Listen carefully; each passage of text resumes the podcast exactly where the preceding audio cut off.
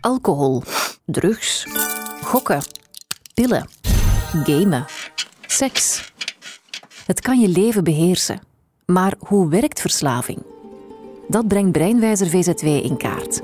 In de podcast Studio Brein Verslaafd. Hoe nemen middelen of gedragingen je brein over? En kun je slimmer worden dan wat jou verslaafd maakt?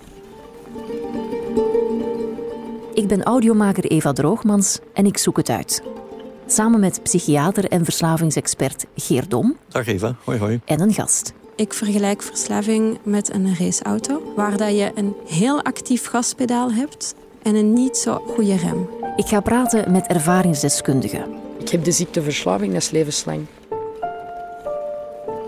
Het begon met één keer. Bij mij is dat niet één glas, dat is één fles. Waarom bleef het daar niet bij? Bij mij is dat niet één lijntje, dat is één gram. Kan verslaving iedereen overkomen? Zeker hier in Antwerpen is het denk ik makkelijker om aan drugs te geraken dan een taxi te bestellen. En wat kun je eraan doen? Ik weet dat ik eh, een verslavingsprobleem heb en ik weet dat herstel eigenlijk een levenslang proces is voor mezelf. Luister vanaf 9 november naar Studio Brein Verslaafd via jouw favoriete podcastkanaal.